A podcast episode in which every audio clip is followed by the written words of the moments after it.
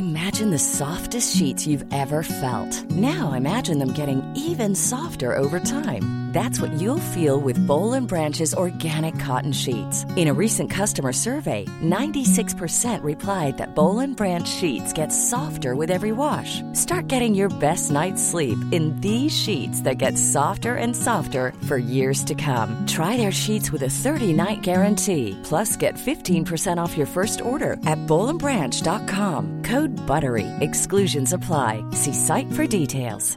Hey, it's Ryan Reynolds, and I'm here with Keith, co star of my upcoming film, If, only in theaters, May 17th. Do you want to tell people the big news? All right, I'll do it. Sign up now and you'll get unlimited for $15 a month in six months of Paramount Plus Essential Plan on us. Mintmobile.com slash switch. Upfront payment of $45 equivalent to $15 per month. Unlimited over 40 gigabytes per month. Face lower speeds. Videos at 480p. Active Mint customers by 531.24 get six months of Paramount Plus Essential Plan. Auto renews after six months. Offer ends May 31st, 2024. Separate Paramount Plus registration required. Terms and conditions apply if rated PG. Hey, it's Paige DeSorbo from Giggly Squad. High quality fashion without the price tag. Say hello to Quince.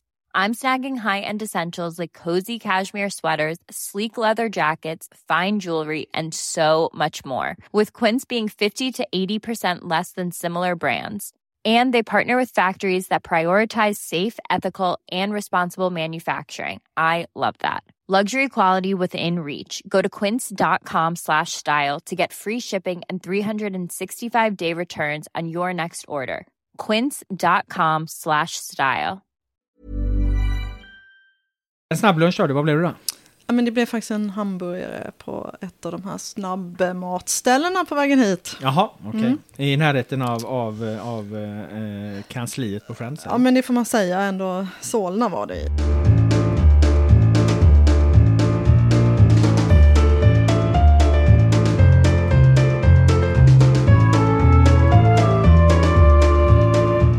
Hej och välkomna till GPs fotbollspodd som ännu så länge saknar ett namn, men där vi diskuterar Göteborgsfotbollen i allmänhet och Göteborgsfotbollen i synnerhet. Så här off season är det jag, Robert Laul, som gör podden med gäster. Och idag blir det inte riktigt fokus på Göteborgsfotbollen. Jag är nämligen uppe i Stockholm för att träffa personen som kan bli Svenska Fotbollsförbundets historiska första kvinnliga ordförande. Nämligen Svenska Fotbollsförbundets nuvarande hållbarhetschef, Caroline Waldheim. Tjena! Tjenare! Kan du berätta var vi befinner oss och varför? Ja, men vi är, befinner oss på Stadshagens IP på Kungsholmen i Stockholm i eh, Karlbergs eh, klubbhus. Och det gör vi för att jag sitter i styrelsen för KB, eh, så jag tyckte att det var ett lämpligt ställe. Och vilken division håller den anrika fotbollsklubben Karlberg till i, nu för tiden? I tvåan. I tvåan. Eh, du är ju 49 år gammal, all, arbetar alltså som hållbarhetschef på Svenska Fotbollsförbundet utöver det här ideella fotbollsuppdraget i Karlberg då, du bor i Stockholm. Du är en av sex kandidater som kan väljas till ny SVFF-ordförande på årsmötet som är någon gång fram i mars 2023. 25 faktiskt, om vi ska vara exakta. Där fick vi ett exakt datum. Du, innan vi börjar den här poddintervjun, vad eh, mer bör man känna till om det tycker du? Att jag kommer från en liten by utanför Kalmar. Jag har spelat fotboll, hunnit slita av korsbandet, tittat väldigt mycket på fotboll och jobbat eh, ganska mycket politiskt. Du är född och uppvuxen i Kalmar, men vad jag förstår så eh, har du ett Göteborgslag eh, som ditt favoritlag. Är det korrekt? Absolut. Vilket jag har alltid hållit på IFK Göteborg. Är det från de gamla Uefa Cup-framgångarna på, på 80-talet? Ja, du är ju i min ålder. så- Ja, ja, men det är det ju verkligen. Alla höll på Blåvitt då och för mig, mig gick det aldrig över. Så att eh, det är Blåvitt som gäller. Hur ser ditt supporterskap ut? Jag försöker titta på så många matcher som möjligt. Eh, tyvärr allt för ofta på tv. Eh, men eh, det finns nog ett medlemskort hemma också någonstans skulle jag gissa. Eh, Det går ju inte riktigt lika bra som det gjorde på 80-talet för IFK Göteborg, om man uttrycker det försiktigt. Hur påverkas det av det och vad ska de göra för att komma tillbaka till toppen igen? Det är det många Blåvitt-supportrar som undrar. Nu Ja. vann ju Häcken allsvenskan istället i Ja. Göteborg. Ja, nej men eh, eh, det är väl i motgångarna som de sanna supportrarna eh, syns, tänker jag.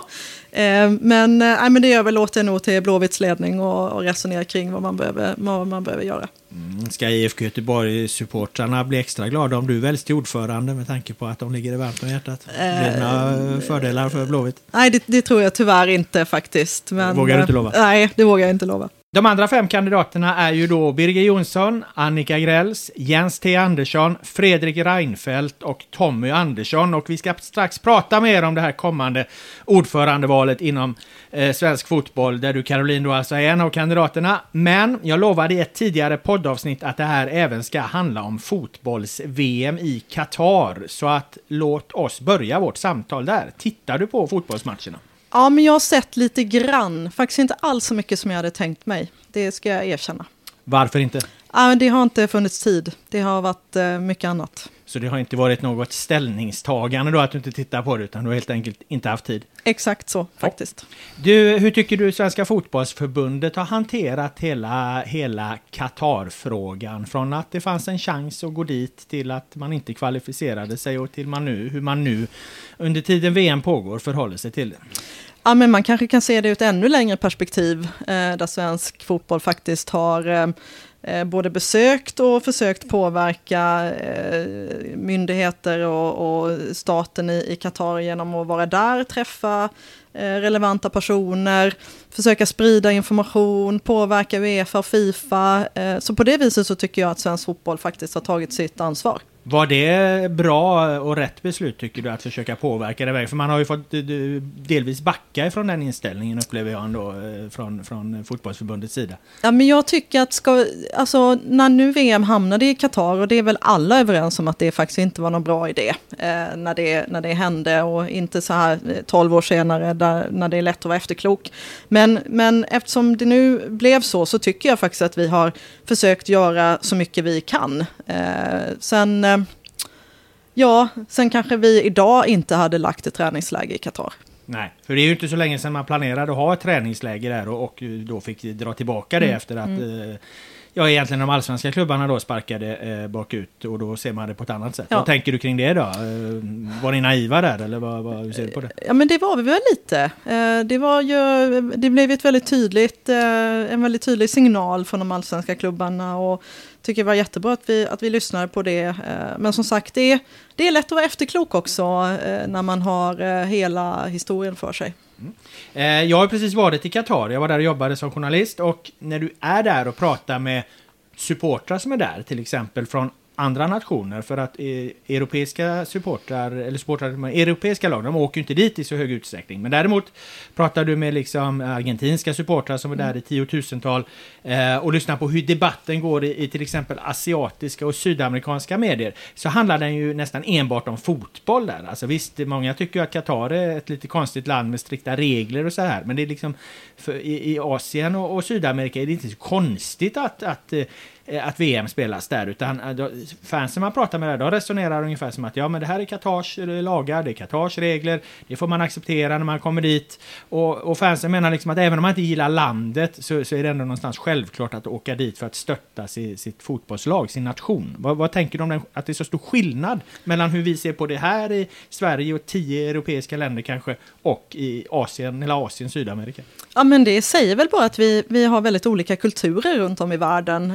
Och att vår europeiska syn kanske inte alltid är likadan som resten av världen. Vi, vi är ju ändå inte hela världen, även om vi ibland kan tro det. Eh, sen hade vi gått till VM så är vi väl alla säkra på att vi hade varit där och spelat. Du menar att... Ja, att, att, som, som landslag ja. eh, så hade vi ju inte bojkottat VM, det har, jag, det har jag väldigt svårt att tro i alla fall. Eh, även Olof Lund, en, en kollega till mig som är, är på plats i, i, i i Qatar här nu. Han har ju varit inne på de här diskussionerna att, att, att, Sverige och ett tiotal länder är ju liksom någonstans i minoritet vad gäller att driva frågor, till exempel om det här One Love-armbandet som känns som en självklarhet eh, eh, för oss, medan det, det det är knappt en diskussion i stora delar av andra världen. Vad tänker du där? Ja, men ungefär samma sak, att vi ibland eh, Eh, inte riktigt blickar eh, tillräckligt utåt eh, och vi, vi ser att det här är självklart för oss och har kanske ibland svårt att relatera till andra länder som, som, har, som har en annan syn. Eh, sen tycker inte jag att vi ska på något sätt eh, låta bli att berätta vad vi tycker eller driva våra frågor, men jag tror att vi måste internationellt vara medvetna om att vi, vi faktiskt inte alltid är i majoritet. Eh, en annan som, fråga som, eller ett ämne som, som är på det temat, det är, ju, det är ju den stora debatten som har varit kring migrantarbetarna i Qatar som har varit i centrum. Och eh, Gianni Infantino, eh, eh Fifa-presidenten, tog ju upp en sak i sitt numera famösa tal då får man säga. Men han tog faktiskt upp en sak där som var lite intressant och det är att Migrantarbetarna må ha usla, slavliknande villkor och, och, och leva under bedrövliga förhållanden eh, i Qatar. Han kanske inte sa det ordagrant, det lägger jag till. Men Qatar tar åtminstone emot människor. Europa har ju idag stängt igen gränserna. Alltså här, hårdraget här låter vi ju människor dö på Medelhavet istället för att komma in i, i, i Europa, i, i Sverige. Jag menar när jag var nere där, då pratade jag med migrantarbetare som säger ungefär så här. Ja, men det är klart, vi hade jättegärna velat komma till Europa, till Sverige och arbeta under bättre villkor. Men ni släpper ju inte in oss. Nej men, eh, och, och det, så, så är det ju. Eh, och hur regeringen, eh, oavsett vilken regering det är, hanterar vår migrationspolitik, det, det får nog stå för dem. Eh, men givetvis så, så ligger det ju något i det.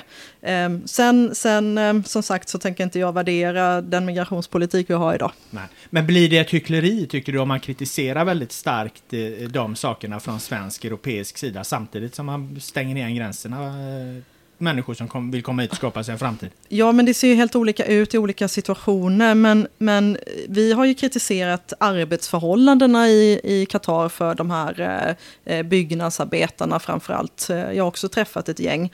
Eh, men, men eh, huruvida de får komma in eller inte, det låter jag eh, vara. Mm. Eh, Apropå Infantino då som jag nämnde där, allt talar ju för att han väljs om som Fifa-president. Eller ser du någon som skulle liksom kunna utmana honom? Eller är det liksom den matchen är redan eh, klar? Ja, nu, kan jag, nu kan jag lite för lite om vilka möjliga kandidater det skulle kunna finnas. Eh, det är väl en fråga jag får sätta mig in i så småningom om, om jag skulle bli vald. Eh, men jag har förstått också att det formellt är helt omöjligt, för det går inte att nominera några ytterligare kandidater. Så vald blir han ju. Eh, om du blir vald till Svenska fotbollsförbundets ordförande här den eh, 25 mars eh, 2023, eh, som du sa där med datumet, eh, då måste du förhålla dig till, till Infantino då förmodligen och han, han eh, eh hans eh, status och ställning nu, den må ju vara stark i andra delar av världen, men han är ju kraftigt kritiserad eh, i, i Europa och i, i, den allmänna opinionen inte särskilt populär, för att uttrycka det försiktigt. hur tänker du att du ska förhålla dig till det faktumet? Nej men jag, eh, som, eh, som det ser ut idag och, och, eh, av det här talet som vi pratade om nyss som man höll för en vecka sedan eller två, eh, så skulle det ju kännas oerhört avlägset måste jag säga och, och stödja Infantino. Eh, sen är ju vi, vi är 55 eh, länder i Uefa, vi är en minoritet i Fifa, så att det handlar väl om att försöka påverka som i alla andra sådana forum. Hur då tänker du?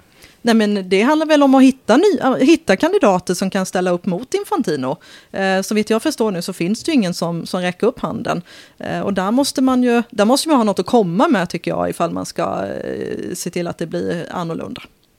Eh, vi ska fokusera lite på vår svenska verklighet då. Eh, när alla nomineringar nästan var klara till, eh, kändes det som i alla fall, till, till det här ordförandevalet eh, i mars 2023 eh, så dök ju eh, ditt namn upp tillsammans med eh, Tommy Andersson då. Ni nominer nominerades av Norrlandsdistrikten. Va, vad är liksom eh, vad är spelet bakom kulisserna där? Varför, varför kom du eh, ett tag efter? Det får du fråga Norrlandsdistrikten om faktiskt. Eh, Men de måste ha pratat med dig? Eller, Absolut, eller? Ja. Jag, jag fick ju en fråga. Jag har ju på något sätt accepterat och, och ställt upp att bli, att bli nominerad och kandidera.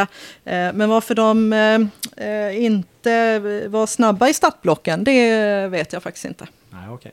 Har det någon formell betydelse på något sätt? Nej, varför? ingen alls. Nej. Eh, sista nomineringsdag är ju 15 januari, så det finns ju fortfarande gott om tid att nominera. Det kom ytterligare då. Eh, när du hade dina samtal med Norrlandsdistrikten då, för det är de mm. som då pratar med ja. dig. Var, var, var, varför, eh, hur motiverade de att de ville ha dig där? Eller hur gick det till? Nej, men de eh, tyckte att jag hade gjort ett bra jobb i, i, i mitt jobb i Svenska Fotbollförbundet och eh, tyckte att mina kompetenser och erfarenheter skulle lämpa sig väl för att bli ordförande. Eh, sen ställde de en del eh, frågor kring min syn på fotboll i hela landet och problematiken med få människor men många fotbollsplaner. Ja, de utmaningarna som framförallt Norrlandsdistrikten har. Men kom det som en, en blixt från en klar himmel för dig då? Att här kom ett par distrikt uppifrån och, och vill se mig som, som liksom ordförande för Svenska Fotbollsförbundet? Eller har det föregåtts av något annan form av liksom process? Eller? Nej, ingen process, men, men tillräckligt många propåer Ja. för att jag inte skulle tycka att det var en konstig fråga. Nej, okej.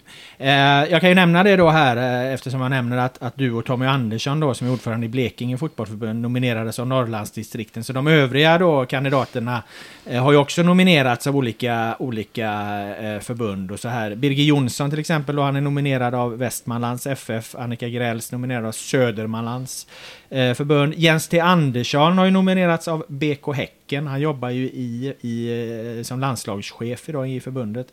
Eh, Fredrik Reinfeldt, före detta statsministern, är ju nominerad av eh, eh, Brommapojkarna. Eh, Eh, det som gör dig då speciell i den här samlingen, inte unik dock eftersom Jens T också eh, jobbar i förbundet, är ju att du kommer inifrån Svenska Fotbollsförbundet. Normalt kommer man ju från föreningsdelen mer. Köper du den bilden eller? Eh, det gör jag kanske inte eftersom Lars-Åke Lagrell var generalsekreterare när han blev ordförande. Så att, eh, det är inte en helt ovanlig, eh, ett ovanligt sätt i svensk fotboll. Är det en fördel eller en nackdel tycker du? Det, det kan vara både och. Eh, jag tror eh, inte att det behöver spela någon stor roll. Eh, men självklart har jag en ganska bra bild av hur svensk fotboll ser ut. Mm. Eh, och det som också gör det intressant är ju att, att eh, den här organisationen då, eller interna organisationen, Svenska Fotbollsförbundet, har ju, har ju varit i, i någon form av stormens öga senaste eh, veckorna. Bland annat tidningen Expressen då hade ju en stor granskning och Eh, ja, alltså jag skulle kunna dra det så långt som att säga att kritiken mot Håkan Sjöstrand, generalsekreterare, idag har varit ganska massiv. Vilken är din bild av, av den här situationen där ni har kritiserats hårt i medierna?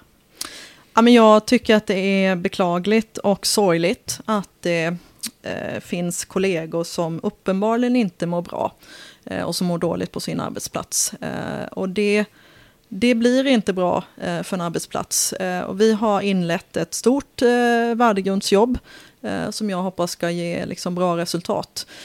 Men om jag tittar på min, min roll och, och mitt team som jag jobbar med så tycker jag att vi har en både en god stämning och en god arbetsmiljö och jag försöker bara göra ett så bra jobb som möjligt. Men hur är miljön då? Är den, är den, är den korrekt den här bilden som har getts via Expressen? Ja, men en, för en del är den väl det, men för andra är den inte det, tror jag. Jag tror att det finns en eh, ganska stor skala. Och hur upplever du Håkan Sjöstrands eh, styrning? För han är väl den högste tjänstemannen på kansliet så att säga. Ja, han är den högsta tjänstemannen och eh, jag har väl i, i mitt vardagliga förvärv inte jättemycket med Håkan att göra. Eh, men eh, jag jobbar bra med Håkan. Om du skulle bli vald till ordförande, kan du lova att du inte har för avsikt att byta generalsekreterare? Du, några sådana löften eller några tankar överhuvudtaget om hur eh, fotbollförbundets eh, organisation och kansli ska se ut tänker jag överhuvudtaget inte uttala mig om. Så Sjöstrand sitter inte helt säkert om, eh, om Caroline Waldheim blir ordförande. Är det så man ska tolka det? Nej, så ska man inte tolka det, men det där är frågor som jag inte tänker ägna mig åt än. Hur ser du på dina konkurrenter till eh, ordförandeposten? Du har ju fem stycken. Ja, vad, då- vad tänker du om, om de du ställs emot? Jag tycker att det är kul att det finns fler kandidater. Eh, sen tänker inte jag recensera mina konkurrenter. Eh, men roligt att, att det är många som vill och som ställer upp. Och kommer säkert bli förträfflig ordförande, vem den blir. Eh, för detta eh, statsministern Fredrik Reinfeldt eh, nämnde jag ju där, är ju en av kandidaterna. Eh, han lyckades ju inte ens bli ordförande för Djurgårdens IF när han försökte här för att deras supportrarna där, eller medlemmarna ska man väl säga, eh, eh, sparkar ju bakut. Är han, eh, skulle, kan, han, kan han vara en lämplig SVFF-ordförande ändå, tycker du? Ja, det kan han säkert vara. Hur menar du då? Nej, men eh, han har ju också eh, spännande erfarenheter och, och kompetenser att ta med sig in. Eh, sen har jag inte hört vad han vill med svensk fotboll, det vore också intressant. Efterlyser du en programförklaring från Reinfeldt vad han vill göra med svensk fotboll? Ja, det gör jag faktiskt. Hur tänker du där? Nej, men det vore intressant Mm. att höra vad, vad man vill med svensk fotboll om man kandiderar till att bli ordförande. Mm. Eh, Jag har ju försökt att berätta det på olika sätt. Jag tycker att det är viktigt. Ja, normalt är det ju inte så publika. Det är ju liksom den, den liksom processen som föregår när en ordförande i Svenska fotbollsförbundet har valts har ju inte påmint särskilt mycket om, om en amerikansk presidentvalskampanj kan man säga. Det, det, det sker ju oftast ganska slutet. Nu är det ju mer medialt den här gången upplever jag, till exempel genom, genom dig då. Men, eh, men eh, medan en person som Reinfeldt då har man ju inte hört lika mycket om. Men det är ju intressant att du efterlyser då, eh, även från dina, dina konkurrenter då, en, en, en, en mer eh, öppen kandidatur. Är det så man ska tolka det eller? Ja, verkligen. Jag tycker, jag tycker det vore jättespännande. Eh, Så att de som ska rösta faktiskt får, får en bild av vad man vill med svensk fotboll. Mm. Ehm, apropå Reinfeldt, bara en sista grej där. Är det, liksom, är det lämpligt med en före detta politiker som fotbollsbas tycker du? Ja, jag kan väl inte säga något annat. Jag har jobbat politiskt i 25 år så att det vore... Eh, självklart kan man, kan man vara före detta politiker. Mm. Ja, du var ju politisk sakkunnig bland annat för, för Gabriel Wikström. Han var, var han eh, hälso och sjukvårds eh, socialminister, ish någonting där va? Ish, ja. ja. och vi hade det mesta i vår portfölj. Ja. Sju, sjukvård, folkhälsa och idrott. Så var det ja. Eh, innebär det att du är socialdemokrat? Det gör det. Eh, vad tänker du om det? Är det något problem att, att vara öppen med sin politiska eh, hemvist? Nej, det hoppas jag verkligen inte att det är. Jag är inte aktiv i politiken idag. Eh, sen kommer jag säkert vara socialdemokrat i själ och hjärta i, i resten av livet. Men eh, jag avstår att vara partipolitiskt aktiv. Mm. Ehm, annan sorts tillhörighet då, eller vad man ska kalla det, Jens T. Andersson. Eh, Rätta mig om jag har fel, men han tycks ju vara svensk elitfotbolls man, alltså SEFs man, elitklubbarnas eh, man på, på, på, på herrsidan. Delar du den bilden? Eh, ja, men det tror jag man kan säga. Nu är det väl eh, bara Häcken då som har nominerat. Men jag såg något, något stöd från Elfsborg, tror jag det var. Eh, så att, eh, ja, det är nog ingen helt fel slutsats. Står du för något annat än, än, än eh, honom skulle du säga? Det vet inte jag faktiskt, men vi kommer ju från lite olika håll. Sen, sen står vi nog för, för mycket liknande saker, men, men jag kommer ju från folkrörelsen och, och breddfotbollen. Eh, vilka backar upp dig då? Förutom Norrlandsdistrikten, har du någon uppfattning om det? Vad, vad, vad man har sina, vilka som står bakom en i ett sån här eventuell omröstning? Nej, det är eh, inte helt enkelt. Eh, det kanske är fler distrikt som nomineras så småningom. Eh, och ju närmare vi kommer valet så, så kommer det säkert utkristallisera sig. Men jag är jätteglad för det stödet jag har av, av, av de norrländska distrikten. Eh, en av er kommer ju ers- ersätta då, eller efterträda Karl-Erik Nilsson som, som ju slutar här då. Han är ju då ordförande idag. Det är, ju- det är ju klart. Han har ju nu gått ut och eh, meddelat att han kandiderar eh, som RF-ordförande efter Björn Eriksson. Eh, stöttar du det? Absolut, självfallet. Motivera. Nej, men det är väl fantastiskt om fotbollen skulle kunna få en sån, eh, en sån kraft i Riksidrottsförbundet. Det har ju också varit en debatt om att det sker många byten på många tunga maktpositioner samtidigt. Eh, eh, Ska man se att Karl-Erik Nilsson liksom någonstans blir kvar då, fast i en annan och ännu mäktigare roll, att, att det är bra ur det per- kontinuitetsperspektiv? Eh, Vad tänker du där? Eller Ja. spelar det inte så stor roll? Om man nu tycker att RF är mäktigare än fotbollen så kanske. Eh, nej, skämt åsido eh, så är jag Är bara... jag vet, det beror nog på vilket sammanhang man, eh, man snackar. Eh, men jag är jätteglad att Karl-Erik vill, vill vara kvar eh, i svensk idrott och jag tror det kommer gynna fotbollen. Jag hoppas det. Eh, Du har snuddat vid det. Eh, Jag ska ställa frågan rakt ut också. Eh, Vilka frågor eh, vill du ta tag i eh, till att börja med så att säga? Vad, vad, är, vad är de första liksom, och största och viktigaste frågorna som du ser det om du blir eh, ordförande för Svenska Fotbollförbundet? Jag vill stärka relationerna med våra distrikt. Jag tycker det är det viktigaste att börja jobba med. Det är en långsiktig, ett långsiktigt arbete. Eh, men jag ser framför mig att vi ska eh, ja, men genom dialog skapa bättre samarbete och bättre förutsättningar för våra distrikt och, och göra sitt jobb. Idag så, så ställer vi en jäkla massa krav eh, på våra distrikt och vi skickar ut arbetsuppgifter. Men jag är inte helt övertygad om att vi ger dem lika mycket resurser eh, så att de klarar av alla de där frågorna. Inte minst kan jag se det när jag i, mina frågor, hållbarhetsfrågorna eller eh, fotbollspolitik eller, eller något annat i min portfölj, som inte kanske är, är, är sporten i sig, de hamnar ju sällan överst på priolistan ska jag säga, för de har så mycket verksamhetsnära frågor att, att eh, hantera. Det är serieindelning och det är domartillsättning och det är speltider och halvtider och, och så. Eh, och där är inte jag helt säker på att vi har den optimala organisationen idag faktiskt. Är det någonting som du menar har, har liksom fallit mellan stolarna de senaste åren eller att fokus har hamnat på annat eh, istället? Ja, men jag tror att vi har, vi, vi har kanske eh, sprungit eh, för fort eh, och inte riktigt eh, fått med oss distrikten. Eh, och missat lite att vi behöver, vi behöver liksom ha den där dialogen, för det är ju där fotbollen sker. Det är ju det som är fotboll, det som sker ute i föreningar och distrikt. Vi är ju bara någon slags sammanhållande kraft som ska, som ska ge stöd. Så att eh, det är min absolut viktigaste fråga, att se till att vi får ett gott och bra och relevant samarbete med våra distrikt. Eh, innebär det du säger att det har varit för mycket elitfokus de senaste åren inom svensk fotboll? Nej, det är inte det jag säger. Eh, jag tycker inte att det ska behöva ske på bekostnad av någonting annat. Eh, men vi behöver kanske skruva på, på vårt arbetssätt eller våra relationer. För mig är det helt givet att starta, om jag, om jag skulle bli vald så kommer det första jag gör det är en distriktsturné. Berätta hur den skulle se ut. Nej, men jag ser framför mig att jag ska besöka alla våra distrikt och träffa distriktsstyrelserna, förbundsstyrelserna, men också elitföreningarna som är superviktiga i vårt arbete. Mm.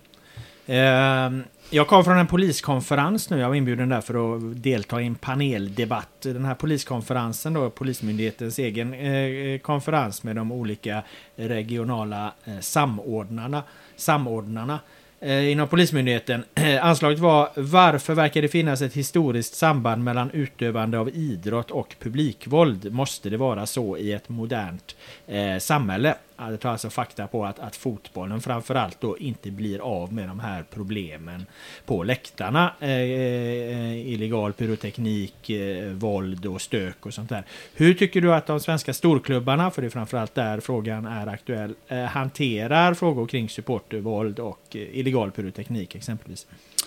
Ja, men jag tycker att de gör ett ganska bra jobb eh, och jag tycker framförallt eh, efter vad jag har hört, nu är inte jag alls inblandad i de här diskussionerna, men det, det verkar som att samtalen och relationen med polisen har blivit mycket, mycket bättre, eh, kanske framförallt det senaste året. Sen, sen är det ju ett problem, absolut. Bangers och pyroteknik och ja, det är elände tycker jag. Vad skulle du göra åt det om du blir vald till ordförande? jag skulle nog försöka jobba i den anda som, som de har eh, inlett nu eh, och lyssna väldigt noga på, på de eh, parter som är inblandade. Ehm, du har ju under dina ett och ett halvt år som hållbarhetschef på Svenska Fotbollsförbundet bland annat varit ansvarig för ett projekt som eh, Re Reboot, tror jag man säger. Ja. Eh, det har varit ett projekt som riktar sig framförallt till unga som stått långt från arbetsmarknaden, hemmasittare som inte varit ute på flera år, eh, personer drabbade av psykisk ohälsa. Eh, och den här frågan är intressant eh, för Göteborgs-Posten, kanske speciellt mm. eftersom Göteborg är ett av fyra utvalda eh, distrikt.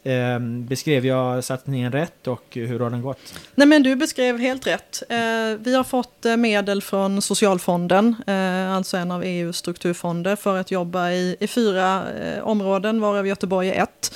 Där vi försöker skapa en en vettig sysselsättning för unga som står långt ifrån arbetsmarknaden. Eh, och förhoppningen är då att de med, med hjälp av fotbollsutbildningar, de får en tränarutbildning, de får en domarutbildning, de får en evenemangsutbildning och så får de vanlig klassisk arbetsmarknadskunskap, hur man gör på en intervju, hur man skriver ett CV och så en, en jäkla massa studiebesök och, och fysisk aktivitet inte minst, för vi vet att man, man tänker lite bättre när man rör på sig också.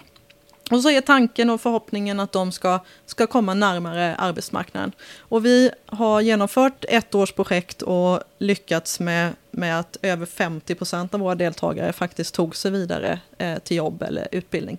Så vi har haft ett eh, fantastiskt resultat och nu är vi mitt i den andra omgången. Eh, jag tror den exakta siffran var 53 procent. Ja, du sa över 50 där. Så det, det, det är ju riktigt mot vad jag har hört också. Var det, är det, var det en målsättning, över målsättning, eller vad hade ni för mål på det? Vi hade 25 eh, Okej. procent som mål. Eh, så att vi var ju superglada och nöjda. Eh, så det gick jättebra.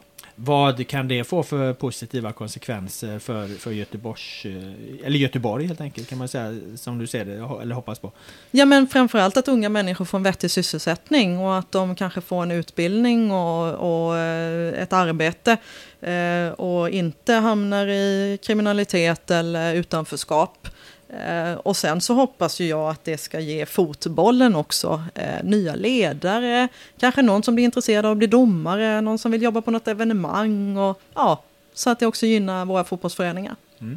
Eh, apropå Göteborgsfotbollen då som vi berör där. Eh, har du några tankar kring vilka utmaningar den framförallt står för och, och eh, vad du i så fall skulle vilja göra där? Ja, om man, jämför, om man jämför med Stockholm så har jag då, utan att kunna det här utan och innan, förstått att, att anläggningsbristen är inte en lika stor utmaning i Göteborg som i Stockholm. Men däremot så, så har jag eh, hört att eh, beläggningen man spelar på, planerna, eh, finns det en utmaning kring. Vi har ju en diskussion eller ett ärende i Europa eller EU-kommissionen som handlar om konstgräs och mikroplast. Eh, och där tror jag att Göteborgs kommun har använt sand exempelvis på en hel del konstgräsplaner som inte har varit något lyckat. Eh, så där finns det nog en utmaning för Göteborgsfotbollen. Har du en lösning där? Eh, det har jag ju inte. Hade jag det så skulle jag bli jäkligt rik kan jag säga. Vad kan man göra då? Ja, då kan man nog sälja Nej, in... men, ja, men vad ska Ja. man göra då om man inte har lösningen? Eller vad, vad? Ja, men än så länge så ska man bli, vi, vi jobbar ju för att man ska bli bättre på att, eh, att eh, vad heter det, sköta sina planer om man har mm, granulat med mikroplaster i. Eh, man kommer väldigt långt med att se till att drifta och sköta planerna ordentligt. Eh, I Göteborg har ju ett initiativ startats eh, som fått riksspridning. Det var ett antal föreningar Eh, som menar på att elitfotbollens tv-pengar ska omfördelas. Eh, en, en av initiativtagarna där var ju Angered BKs Thomas Gustafsson som tycker att, att eh, 25% av de årliga 650 SEF, så kallade SEF-miljonerna då, alltså tv-spelbolagspengar som går till Allsvenskan och Superettan, ska sippra vidare neråt. Det skulle betyda då 162,5 miljoner om året istället för som idag en och en halv miljon. Eh, det är en förändring stor som en revolution. Eh, om du blir ordförande, vald till ordförande så kommer du hantera, behöva hantera den frågan på ett eller annat sätt eftersom den är ju uppe som motion till Svenska fotbollsförbundets årsmöte. Vad tänker du där? Behövs det en annan fördelning av pengarna som kommer in i svensk fotboll? Alltså jag behöver, jag behöver eh, lära mig lite mer om det där eh, för att kunna eh, vara tydlig och klar, vilket jag givetvis vill vara. Men jag, har- jag har förstått att det, är, att det är en stor diskussion och att, att den, den frågan måste hanteras på något sätt och vis. Men jag är övertygad om att vi har så goda relationer och samtal med svensk elitfotboll så att, eh, att vi kommer framåt där på något sätt. Rent principiellt då, om vi struntar i tal och så här, tycker du att, att en och en halv miljon eh, eh som går vidare neråt då till liksom eh, division 1, 2 och 3 serierna eh, är, är, är, förde- är det en skev fördelning? Ah, alltså jag kan inte riktigt svara på det, för, för jag vet att de gör en massa andra saker. Det är matchdelegater och det är eh, en massa andra delar som, som hör ihop med det där. Så att, äh, det, det vill jag inte säga något om. Eh, en annan fråga som är ständigt aktuell det är ju eh, talangsatsning inom, inom elitfotboll. Eh, vad, eller hur ser, kan jag börja med, hur ser du på att den kryper allt lägre ner i åldrarna i vissa klubbar? Sen har ju inte alla den, andra, vissa har ju en inställning om att man inte ska börja talangsatsa så tidigt Mm. men det är ju ändå en del klubbar som väldigt uttalat gör det. Vad står du där? Ja, men vi har ju en jätte jättebra eh, spelarutbildning från svensk fotboll. Eh, så att jag, jag står verkligen bakom det som, som vi står för. Och om man tittar på vår, vårt material och våra tränarutbildningar och, och hur man ska hantera barn och unga så, så tror jag att man slipper de där problemen faktiskt. Genom att följa den eh, linje eller den väg som eh, SVF Ja, har stakat ut? ja helt enkelt. precis. Exakt. Hur skulle du vilja beskriva den i förhållande till de som eh, klubbar som bara satsa och, och värva spelare i 10-12 år? Hur, vad, är det, vad är skillnaden mot, mot eh, svenska men jag tror att man får göra det på, på sina egna villkor i, i lugn och ro, in, i liksom goda miljöer. För det tror jag är det absolut viktigaste, att vi har välutbildade tränare eh, som ser till att, att miljöerna för barn och unga är, är bra. Då tror jag också att vi kommer utveckla våra talanger. Och, och om du tittar specifikt på åldrar, vad, vad tänker du där? Ja, men jag, det är svårt att säga, men, men jag tänker att man måste ha blivit eh, 13-14 för att liksom förstå ordentligt. Eh, så att, eh, ja, någonting sånt. Mm. Ehm, vi ska knyta ihop, börja knyta ihop den här säcken eh, och eh, det kan vi göra genom att eh, hoppa tillbaka lite till det vi började med, nämligen fotbolls-VM då. Ehm, nu åkte ju Danmark visserligen ut här, men det har ju varit en diskussion eh, ett tag här nu att Danmark och kanske även Norge eh, är på väg att på herrsidan då springa ifrån Sverige som, som fotbollsnation, både, både vad gäller ligaspel och landslag då. Visst, nu åkte Danmark ur, ur VM, eh, men eh, det förändrar ju inte helhetsbilden skulle jag säga. Vad, vad, vad, vad tänker du kring det här? Att, att Sverige är liksom inte det, det bästa landet i Norden längre, kanske knappt det liksom näst bästa på herrsidan. Ja, nej, men det, det behöver man ju titta på, för det är ju fakta. Eh, så givetvis behöver, behöver svensk fotboll ta ansvar för att ja, men lite utreda eh, om, om det är något vi kan göra annorlunda. Eh, motsvarande eh, fråga då på, på damsidan, för där står vi ju inför ett fotbolls-VM i Australien och Nya Zeeland här 2023. Vi kommer från ett, ett EM-år eh, där Sverige visserligen gick till semifinal, där man, men där man också såg tendenser att, att de stora fotbollsnationerna kanske bara kliva ifrån eh, Sverige. Vad, vad, vad, vad tänker du finns att göra där? Ja, men det finns säkert en del att göra, för det, det är ju precis det som är känslan, att vi, att vi kanske eh, lite har halkat efter, men vi har ju fortfarande ett fantastiskt bra eh, damlandslag i fotboll, eh, som är jättefantastiskt eh, kul att, att följa. Eh, men där behöver vi ju tillsammans med, med eh, damelitklubbarna också se om det finns utvecklingsmöjligheter, så att vi kan bli ännu bättre. Mm. Eh, till sist då i, i det här samtalet, vad, eh, är det någonting annat du vill lyfta upp som du tycker är, är viktigt i, i fotbollen just nu eller inför det här stundande ordförandevalet? Om jag ska säga någonting mer så, så tycker jag att det viktiga för svensk fotboll det är att, att vi måste bli bättre på att erbjuda fotboll för alla som vill vara med på de villkor som de vill spela fotboll på. Idag eh, har vi alldeles för många 13-åriga tjejer och killar som inte längre får vara med, som inte platsar eller som av andra skäl slutar spela fotboll. Men som kanske hade funnits kvar om vi hade erbjudit en annan typ av miljö. Eh, för ett par år sedan så, så var det ett lag på Värmdö som fick massa priser på Idrottsgalan för att de startade ett veteranlag för 12-13-åringar.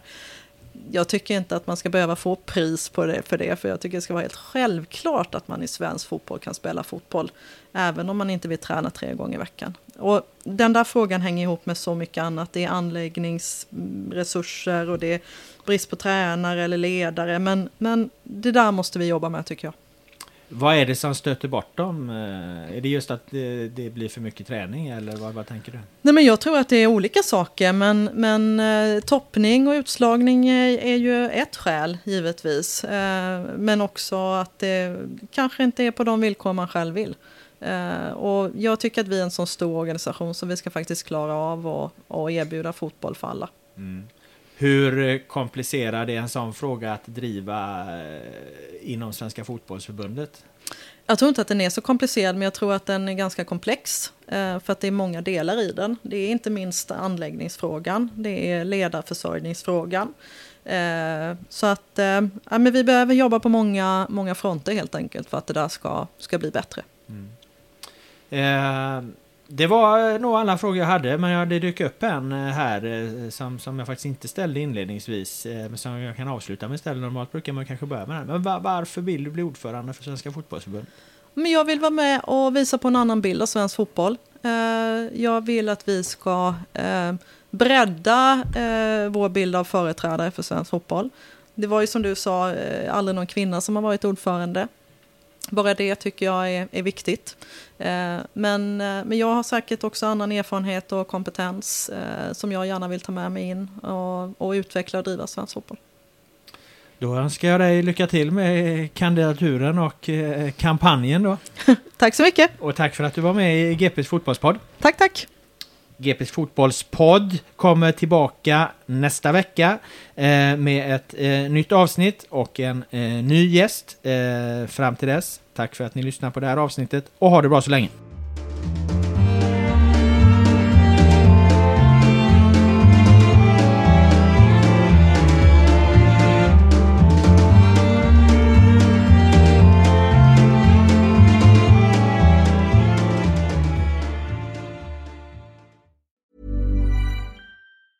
Planning for your next trip? Elevate your travel style with Quince. Quince has all the jet setting essentials you'll want for your next getaway, like European linen, premium luggage options, buttery soft Italian leather bags, and so much more. And it's all priced at 50 to 80% less than similar brands. Plus, Quince only works with factories that use safe and ethical manufacturing practices. Pack your bags with high-quality essentials you'll be wearing for vacations to come with Quince. Go to quince.com slash trip for free shipping and 365-day returns.